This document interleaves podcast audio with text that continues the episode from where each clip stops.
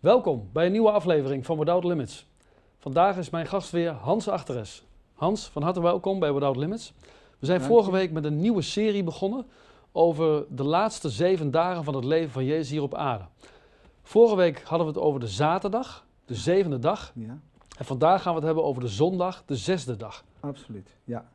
ja, zondag de zesde dag voor Jezus zijn dood. En nou, het lijkt me weer goed, eh, Henk, om toch maar eerst weer wat te lezen. Om Ja. even beeld te krijgen van wat heeft zich afgespeeld op de zesde dag. Ja. Dus Dus als je wil lezen, Lucas 19, vers 28 tot en met 40. Lucas 19, Ja. vers 28 tot en met 40.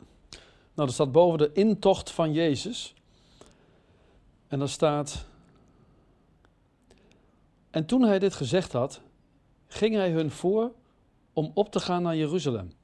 En het geschiedde toen hij dicht bij Betfage en Bethanië was, bij de berg genaamd Olijfberg, dat hij twee van zijn discipelen uitzond. En zeide: Gaat naar het dorp hier tegenover, en als gij het binnenkomt, zult gij daar een veulen vastgebonden vinden, waarop nog nooit iemand gezeten heeft. Maakt het los en breng het hier. En indien iemand u vraagt, waarom maakt gij het los? Zeg dan, de Heere heeft het nodig.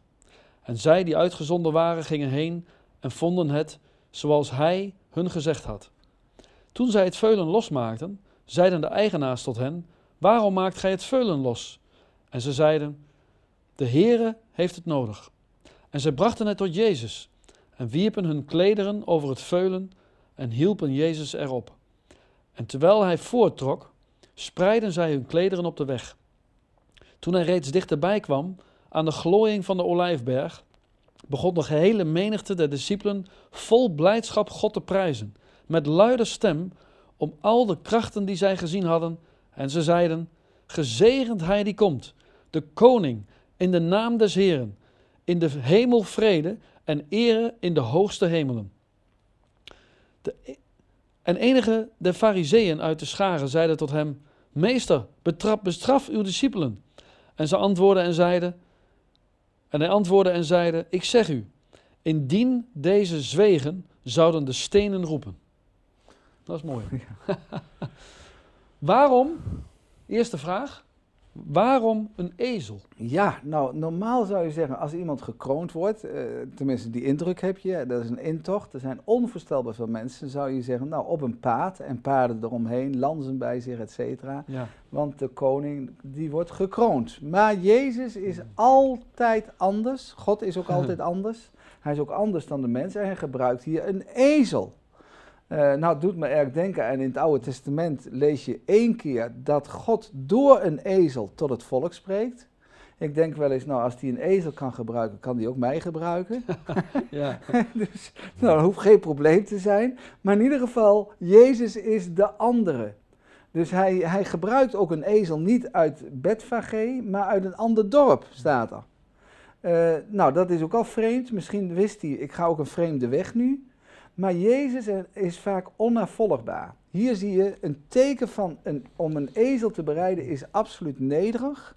En geeft een teken van zachtmoedigheid, maar het is inderdaad apart. Die ezel was vastgebonden, heeft, heeft denk ik ook een geestelijke betekenis, want nou, wij zijn allemaal wel eens op zijn tijd ezels. dat je denkt van nou, hè, dat je denkt nou, nou, nou, wat dom en wat stom. Maar de Heer wil ons vrijmaken van die vastgebondenheid, van Ja. die bindingen. ja. Dus dat vind ik ook zo mooi. En dan gaat hij je bereiden. hij wil je bereiden. Ja, dan kun je wat beleven, want dat betekent dus weer inderdaad niet mijn wil, maar uw wil geschieden. Heer, wat wilt u dat ik doen zal? Ja. Ja, de Heer zegt, ik wil op je zitten en ik wil je bereiden. Ik Ja. wil laten zien dat ik jou ga sturen. We moeten Nou. sterven aan ons vlees. Ja, nou inderdaad. Dus eh, dat betekent eh, eigen ik als koning moet ingeleverd worden en hij wordt de koning. En hij leende inderdaad een boot, een stal toen hij geboren werd, een graf toen hij overleed, was allemaal geleend. Een, een ezel, deze was ook geleend. Ja. Nou, eh, ik, ik heb vorige, in de vorige uitzending al gezegd van, nou, als je iets koopt, moet je er altijd ervoor zorgen. Als je een boot hebt, nou, moet je hem elk jaar weer een beetje schilderen en schoonmaken. Maar de Heer denkt van, nou, leen is misschien wel beter. Maar in ieder geval, Jezus gaat een nederige weg als zoon des mensen. Er zijn genoeg mensen die God wilden worden, maar de geschiedenis kent slechts één voorbeeld van God die mens werd. En dan krijg je de intocht. Een menigte tot en met, want ze waren allemaal voor het paascha. Kwamen de mensen naar Jeruzalem. Dus, en ze wisten, Jezus komt eraan. Want hij was bekend geworden met name door de, dat Lazarus was opgestaan uit de dood. Want die was al een aantal dagen in het graf. En er gebeurde dus een wonder. Dus ze wisten, Jezus komt eraan. En dit is de komende Messias. En uh, er was nieuwsgierigheid, opgewondenheid, vreugdezang, hosanna, lofprijs. Uh, nou, ze zagen hem natuurlijk als de profeet. Er was enthousiasme, de komende Messias, de beloofde. En uh, dan lezen we hier, meen ik, in vers 37 en 38. Toen hij reeds dichtbij kwam aan de glooiing van de olijfberg, begon de gehele menigte van de discipelen vol van blijdschap God te prijzen en met luide stem hem te loven en te prijzen, te zeggen, gezegende hij, de, hij die komt, de koning in de naam van de Heer. Ja. Nou ja, dat is overduidelijk. Er is onvoorstelbaar enthousiasme. Nou, we zien het al op deze plaat, waarin je ziet dat mensen uh, takken van de bomen hebben ge, uh, gescheurd. Dat je ziet kleren op de grond leggen, kleren inderdaad uh, nou, afdoen om hem eer te betonen. Nou ja, het is een en al feestvreugde. En naar de mens gesproken kan dit niet meer misgaan. En eindigt dit op een kroning. Maar goed, we zullen ja, afwachten. Ja. Eén ding, Hans, viel mij op. Dat wil ik even vragen aan jou. Want Jezus zegt, gaat naar het dorp hier tegenover. En als gij het binnenkomt, zult gij daar een veulen vastgebonden vinden. Waarop nog nooit iemand gezeten heeft. Ja, dat, Had zie, dat je, ja, dat zie je bij alles. Jezus die wordt um, geboren in een kribbe. Nou ja, dat heeft natuurlijk nog nooit is er een mens in geboren geworden. Nee. Het graf is een nieuw graf waar die straks zou eindigen, want na uh, zes dagen sterft hij en wordt hij begraven. Dus je ziet dat hier dus vaak uh, zich bedient van iets wat nieuw is. Ja. Wat niet eerder door mensen al gebruikt is, maar uh, ja, daarmee geeft hij aan dat hij ja, de zoon is van God, de zoon des mensen. Ja. Amen. Ja. Nou, we hebben net het stuk gelezen, de intocht van Jezus. Wat dachten nu de discipelen? Ja, die discipelen die waren natuurlijk onvoorstelbaar enthousiast. Die, er was een, een vonk, dachten ze, en er komt een onmetelijke brand. He, dus uh, nu is het moment, eindelijk, het moment suprême. Een zegentocht, een troonbestijging. Ja. Daar waren ze van overtuigd. was gejubel. Ja. En als je oprecht gejubel hebt, nou, dan, dan, dan, dan verwacht je iets. En je ziet hier een climax. Je ziet inderdaad kleren. En ze gaan met takken zwaaien.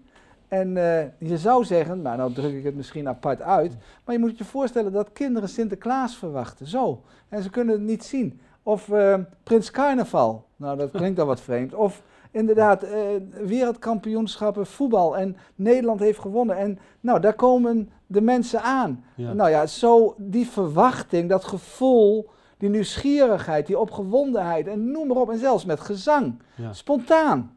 En uh, he, niet dat je zegt, nou, een fanfare die speelde deuntje. Nee, dit komt uit het hart.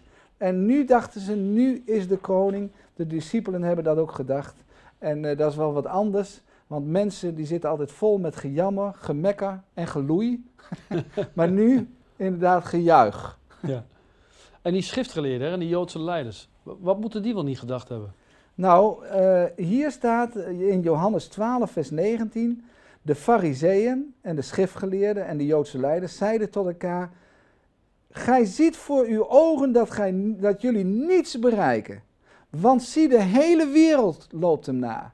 Ja. De hele wereld loopt hem na. Al die ja. mensen die in Jeruzalem zijn, vanwege het Pascha, die talloze pelgrims. Wat, uh, nou, hoe, uh, wij hadden deze gedachte, moet je, eens kijken wat dit geworden is.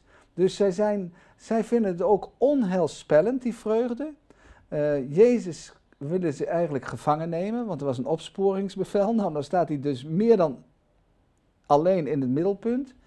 En uh, het enthousiasme is verpletterend, net als een keizer.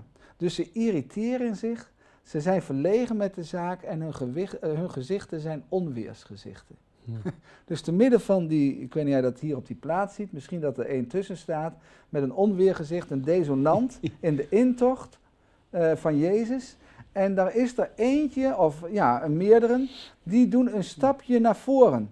Want die kunnen het niet meer verdragen. Die kunnen daar gewoon niet meer tegen. Want op een gegeven moment zeggen ze dus. En enige van de fariseeën uit de scharen, uit al die mensen, zeiden tot Jezus, terwijl hij dus voorbij komt. Meester, nou dat was dus wel goed dat hij meester was, maar moet kijken wat ze met die meester dan later gaan doen. Bestraf uw discipelen. Ja. En hij antwoordde, zeide, ik zeg u, indien deze zouden zwijgen, dan zouden de stenen gaan roepen. Misschien wel gaan juichen. Nou, ik moet nog de eerste steen zien die beweegt, maar bij de Heer is alles mogelijk. Amen. Als de Heer het zegt, gebeurt het. Dus, nou, dat antwoord van Jezus vinden ze helemaal verbluffend. En dat vinden ze helemaal aanmatigend. Jezus had al gezegd, ik ben de goede herder. Ik ben het licht der wereld. Ik ben het brood des levens. En hier zegt hij, nou, als zij dat niet doen, nou, reken maar absoluut dat de Ja. stenen gaan roepen en juichen. Met andere woorden, iedereen juicht voor mij. Ja, dus, eh, hij is de zoon van God. Amen. En eh, ja, eh, dus zij zijn, ja, ze zijn verbluft. Hij zegt gewoon, dit is Gods wil wat hier gebeurt. Ja. Want ik ben het inderdaad, ik ben het. Ja. We zien hier op dit schilderij, hè, zien we de, hè, de, de, de klederen hier liggen. We zien die takken, hè, zelfs hier bovenaan nog. Eh, heeft dat ook nog een speciale betekenis? Ja, nou, ik denk eh, toen ik eh, daarbij stil stond, want ik las in een, eh, ergens in een evangelie groene takken, die hebben ze gewoon van de bomen afgescheurd. Ja. Dan toen dacht ik het volgende. Inderdaad, wij mensen scheuren, wij mensen trekken, wij mensen zagen, wij mensen. En dat- toen dacht ik eigenlijk, ik woon in een klein plaatsje Wilsum, aan, aan Jan van der Streek. Nou, die zat toen in de zesde klas van de lagere school, jaren geleden. En die zat gewoon zo te doezelen, zo eh, met geschiedenisles of biologie smiddags. Dus ze sliep een beetje. Toen zei op een gegeven moment die leraar van Jan van der Streek, wie heeft de hemel en de aarde gemaakt? Dus hij werd een beetje wakker. Hij zegt, ik krijg ook altijd van alles de schuld. maar, maar wat bedoel ik daarmee te zeggen? Kijk, natuurlijk heeft Jan van der Streek niet de hemel en de aarde gemaakt. Dat heeft God gedaan. Ja. Maar wat hebben de mensen gedaan? God heeft de aarde gemaakt. God heeft de mensen gemaakt. God heeft de dieren gemaakt. God heeft die boom gemaakt. Maar wat doen de mensen? Die gaan die bladeren eraf halen. Die gaan die takjes eraf halen. Die gaan die takken eraf halen. Die maken van die boomstam maken ze palen. En van die palen, daar maken ze een kruis. Ja. En van dat kruis, daar hangen ze de zoon van God, die alles heeft gemaakt, die die boom heeft gemaakt, die hangen ze aan het kruis. Dus toen ik dacht groene takken, toen dacht ik dat is een voorloper wat ze straks met Jezus doen. Ja. Ze hangen hem aan het kruis en, en hier, dat, dat is dus jullie koning. Ja. De zoon van God die zelf alles heeft geschapen, inderdaad. En dan die kleren, ze hebben hem ontkleed. En ze hebben gedobbeld omdat hij een kleed aan had uit één naad. Maar dat heeft denk ik ook te maken, inderdaad, die kleren als een toewijzing. Kijk wat ze gaan doen. Nou, Henk, als jij wil lezen, dan gaan we even wat verder op de dingen in. Lucas 19, vers 41 tot en met 44. ja. Daar staat, vanaf vers 41. En toen hij nog dichterbij gekomen was en de stad zag, weende hij over haar. En hij zeide, Och, of gij ook op deze dag verstond wat tot uw vrede dient. Maar thans is het verborgen voor uw ogen. Want er zullen dagen over u komen, waarin uw vijanden een bolwerk tegen u zullen opwerpen, en u omsingelen en u van alle zijden in het nauw brengen. En zij zullen u en uw kinderen in u vertreden, en ze zullen in u geen steen op de andere laten, omdat gij de tijd niet hebt opgemerkt dat God naar u omzag. Ja, dus Jezus, die, ja, die zag het. Ja. Die zag daar allerlei dingen gebeuren. Ja. En die zag Jeruzalem. Dat, dat is eigenlijk schrikken, hè? als je zeg maar in één keer Jezus ziet huilen. Ik denk dat, dat weinigen hebben dat opgemerkt, maar na- inderdaad de discipelen die vlakbij hem waren wel. Want hij heeft vermoedelijk ook een tijdje min of meer kortstondig gehuild. Jezus zag het panorama, hij zag het tempelcomplex, hij zag de burcht Antonia, hij zag het paleis van Herodes, hij zag de dikke muren, hij zag de, de mooie torens, hij zag de oude stad en hij zag onvoorstelbaar veel mensen met gezang. De echo's van de hosanna's klonken omhoog. Om het zo uit te drukken tot eer van God. Het weerkaatste. Maar Jezus wist, nu ben ik een idool, maar ik word een schietschijf. Ja. Nu ben ik een idool. En hij wist, inderdaad, Jezus wist Nu zingen ze Hosanna. Dat staat letterlijk in Psalm 118, vers 26, maar het gaat mij er even om, Psalm 118. Van, daar staat dat ze dat zingen wat hier ook staat. Wat hier in Lucas 19 ook staat, van dat ze zingen Hosanna. Gezegend hij die komt, de koning in de naam des Heren, in de hemel vrede en ere in de hoogste hemelen. Ja. En dan blijkt het dat dat is uit, ehm, oh hier staat het wel, Psalm 118, vers 26. Ik kijk even naar de verwijzing.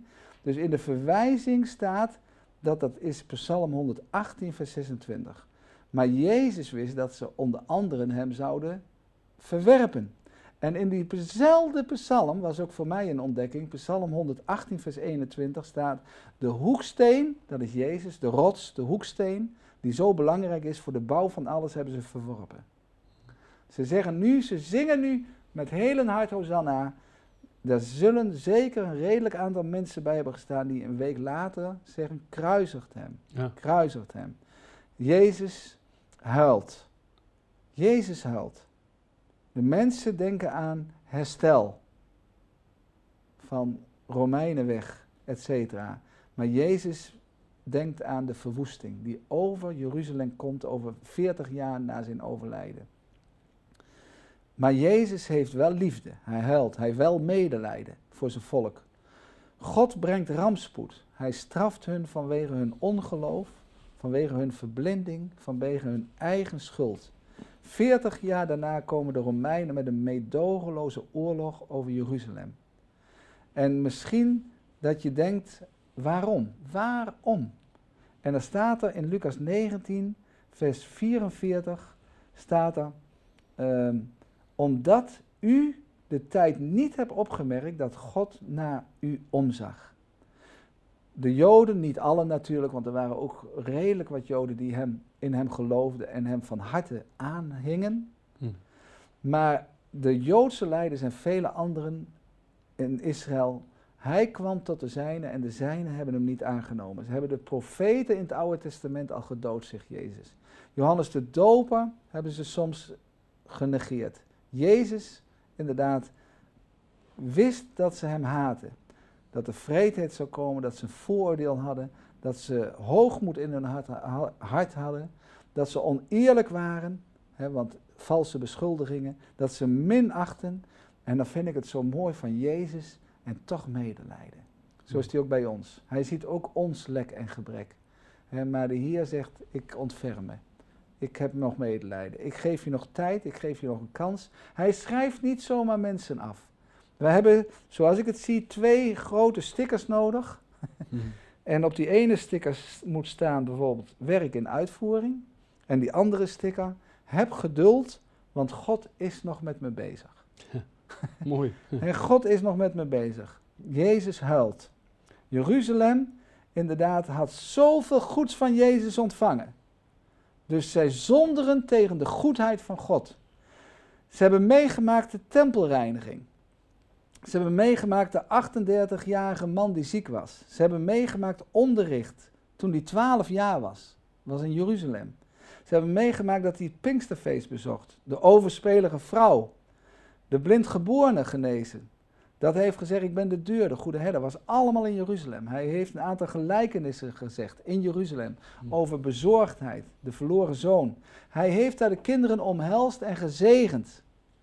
Allemaal in Jeruzalem. En nu, de discipelen schrokken van die tranen. Hè, te midden van al die vreugdekreten. En de discipelen waren uitzinnig. Ze leefden in een waan. Het was een gekkenhuis. Maar die ernstige profetie, hè, die Jezus uitspreekt in vers 44, die hebben ze niet gehoord, om het zo uit te drukken. Zij dachten alleen maar aan de leeuw van Juda. Maar ja, het blijkt een lam te zijn. Ja. Jij zei eerder al hè, dat Jezus anders was. Ehm, hè? En Jezus, de andere, zeg maar, Ja, die gaat niet zoals de mensen hoopten naar het paleis. Hè? Maar hij gaat naar de tempel. ja. Ja dat, dat is het meest opmerkelijke. Als je dit ziet, en je weet niet beter, je weet niet verder, je weet niet meer. Dan denk je, die is op weg naar Ja, het paleis. Absoluut, Ja, absoluut, ja. absoluut. Dan denk je van dit, nu gaat het gebeuren. Nu gaat het gebeuren. En Jezus sprong inderdaad van zijn ezel. Maar ja, dat ga ik nu even lezen in Matthäus 21, vers 12. Daar staat, en Jezus ging de tempel binnen. Oh ja, en Jezus ging de tempel binnen. Nou, net wat je zegt, Henk. Ja. Wij en iedereen dacht, hij gaat richting het paleis. En noem maar op. En hij laat daar zijn wondermacht zien, want ze wisten dat hij wonderen had gedaan. En er staat er, en dat is natuurlijk onvoorstelbare teleurstelling. Hij ging naar de tempel. En Jezus ging de tempel binnen en dreef allen uit die verkochten en kochten in de tempel. En de tafels van de wisselaars keerde hij om en de stoelen van hen die de, die de duiven verkochten. Zie je dat? Ja. En hij zeide tot hen, er staat geschreven, ehm, mijn huis zal een bedehuis heten, maar u maakt het tot een rovershol. En in de tempel kwamen blinden en lammen tot hem, en hij genas hen en de enkeling. Toen de overpriesters en de schriftgeleerden de wonderwerken zagen die hij deed, en de kinderen die in de tempel riepen, nu heb je dus kinderen die zeggen, Hosanna, de zoon van David, namen zij dat de kinderen kwalijk. En ze zeiden tot hem, hoort u dat, wat deze zeggen? Jezus zeide tot hen, ja, heb gij nooit gelezen uit de mond van kleine kinderen en zelfs uit de mond van zuigelingen, die nog geen eens kunnen praten, hebt gij lof bereid. En hij verliet hen en ging buiten de stad naar Betanië en overnachtte daar. Ja, dat is andere koek. Dus hij gaat naar dat tempelplein, wegmarkt, weg met die mestlucht, weg met die schapen, weg met die kakofonie, weg met de handel, weg, eh, nou, mensen die misschien te veel eh, drank op hebben, dat zal er ook wel eens tussen hebben gelopen op dat, maar ja, het was eigenlijk het tempelplein, het was de Ja. tempel, maar, eh, en dan had je mensen die ook nog, dat waren misschien wel schriftgeleerden en fariseeën, die vonden het prachtig, want die konden geld innen van die marktlui. Ja. Dus daar krijg je dus staargeld. Ja. Nou, op, tempel, op het tempelplein waar Jezus op dat moment inderdaad duidelijk maakt hoe hij erover denkt, daar denkt niemand aan God. Daar heeft niemand oog voor God. Het is zoals Jezus het zegt, een rovershol. Jezus loopt daar driftig heen en weer. Hij gooit het geld op de grond. Hij heeft een vlammend protest. Hij doet niet in dit geval de handen vouwen, maar hij doet de handen uit de mouwen. Dat is even wat anders. Sommigen denken, ja, maar je moet altijd maar de handen vouwen bij die christenen. Nee, inderdaad, soms is het nodig dat de handen uit de mouwen, dat er iets gedaan wordt. En iedereen schrok, dus de mensen waren natuurlijk meegelopen. En ze schrokken. Ze schrokken hoe hij deed, wat hij deed en noem maar op. En ze zagen zijn kwaadheid en zijn drift, in goede zin. En, en die tempel, ja, die werd de 40 jaar na dit gebeuren verwoest. En nu heb je nog de klaagmuur. Hè, de klaagmuur, nou dat mensen zo staan. Ja. Dat, eh, nou ja, wij kunnen zo hem nu aanbidden zoals we zijn, of in de huiskamer, of als u naar deze uitzending kijkt, in geest en in waarheid. Amen. Hè? Amen. Maar eh, we moeten niet klagen, want als we op de Heer gericht zijn, dan weten we, Hij is onze Heer. Ja. En tegenwoordig, ik hoorde vanmiddag iemand zeggen, of vanmorgen, die zegt, we hebben tegenwoordig ook een klaagmuur in Europa. En weet je wat die klaagmuur is? Dat is dit. Je staat voor de geldautomaat en dan is er weer te weinig geld. En dan zit je weer. klaagmuur. Hè, er is altijd tekort, er is altijd te weinig. En noem maar op. Nou ja, in ieder geval, Jezus keerde de tafels om en dat heeft te maken met bekering. Inderdaad, dingen moeten veranderd worden. Jezus Ja. weet wat kaf is en wat graan is. En hij zegt, mijn huis zal een bedehuis zijn. Jezus eindigde daar waar het volk dacht, nu is het begin. Jezus, die heeft heel duidelijk liefde voor de enkeling. Ja, En eh, zeg maar voor de ene mens die het moeilijk heeft. ja. Maar dat is toch geweldig? ja, nou dat is nou juist anders dan allen wouden of dachten. Daar genas hij de kreupelen, daar. Hij genas de blinden, de doven, de gehandicapten, degene die last had van autisme. Hij had oog voor het individu. Hij heeft oog voor u. Ja. Hij heeft oog voor mij.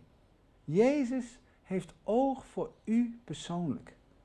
U denkt, ach, Nee, Jezus ziet u. Jezus heeft u lief. Al zo lief heeft God, mijn naam is Hans, heeft God Hans gehad dat hij zijn leven inderdaad voor mij gaf. Jezus verstaat zijn roeping. Kinderen zongen Hosanna. Nou, we weten dat Judas had er een hekel aan. Dat hij oog had voor de individu. Dat hij, dat hij liefde had voor kinderen. Maar wat een teleurstelling. Geen paleis, maar een ziekenhuis. Maar dan waar wonderen gebeuren. een huis van barmhartigheid. Een wijd hart had hij. Inderdaad, geen koning, dat komt later, maar hij werd geneesheer. Deze intocht in Jeruzalem komt de grootste gezant van de hemel en doet zijn intrede. Niet om geëerd te worden, maar om er in Jeruzalem verworpen te worden en gedood. Welkom in het nest van de slangen. Nog vijf dagen en dan, ja, dan is het gebeurd. Ja. Jezus hè, verlaat Ja. alleen Jeruzalem. Ja. Wat een verschil hè, met zo'n intocht. Ja, daar staat hij in vers 17. En hij verliet hen en ging buiten de stad naar Betanië, zes kilometer verder, en overnachtte daar. Toen stond ik daarbij stil. Ik denk, jongen, jongen, jongen. Moest kijken. Intocht. Dezelfde dag. Ja. Onvoorstelbaar veel mensen. Het weerkaatsen van de zang, het gejubel, de blijdschap, de verwachting. En aan het eind van de dag gaat hij alleen weer terug naar zijn logeeradres. Helemaal alleen. Jezus verlaat zo het leven. Maar wij moeten Jezus niet verlaten. Niemand ging met Jezus mee. Jezus moest de weg alleen gaan. Maar hier zie je inderdaad, eh, ja, dat de mensen soms, die verlaten Jezus. Ze laten Jezus alleen, ze keren Jezus de rug toe. Ze hebben meer genot dan voor God. Ja. Om het zo uit te drukken, hij kwam te paard, in feite te ezel, hij kwam te paard en hij ging te voet. Maar hij Ja. ging niet meer op de ezel terug. Hij ging niet meer op een paard terug, hij ging te voet. Hij had al zoveel gelopen. En, en alleen ging hij terug. Ja, dat is, hij ging de weg voor ons, voor mij. Ja.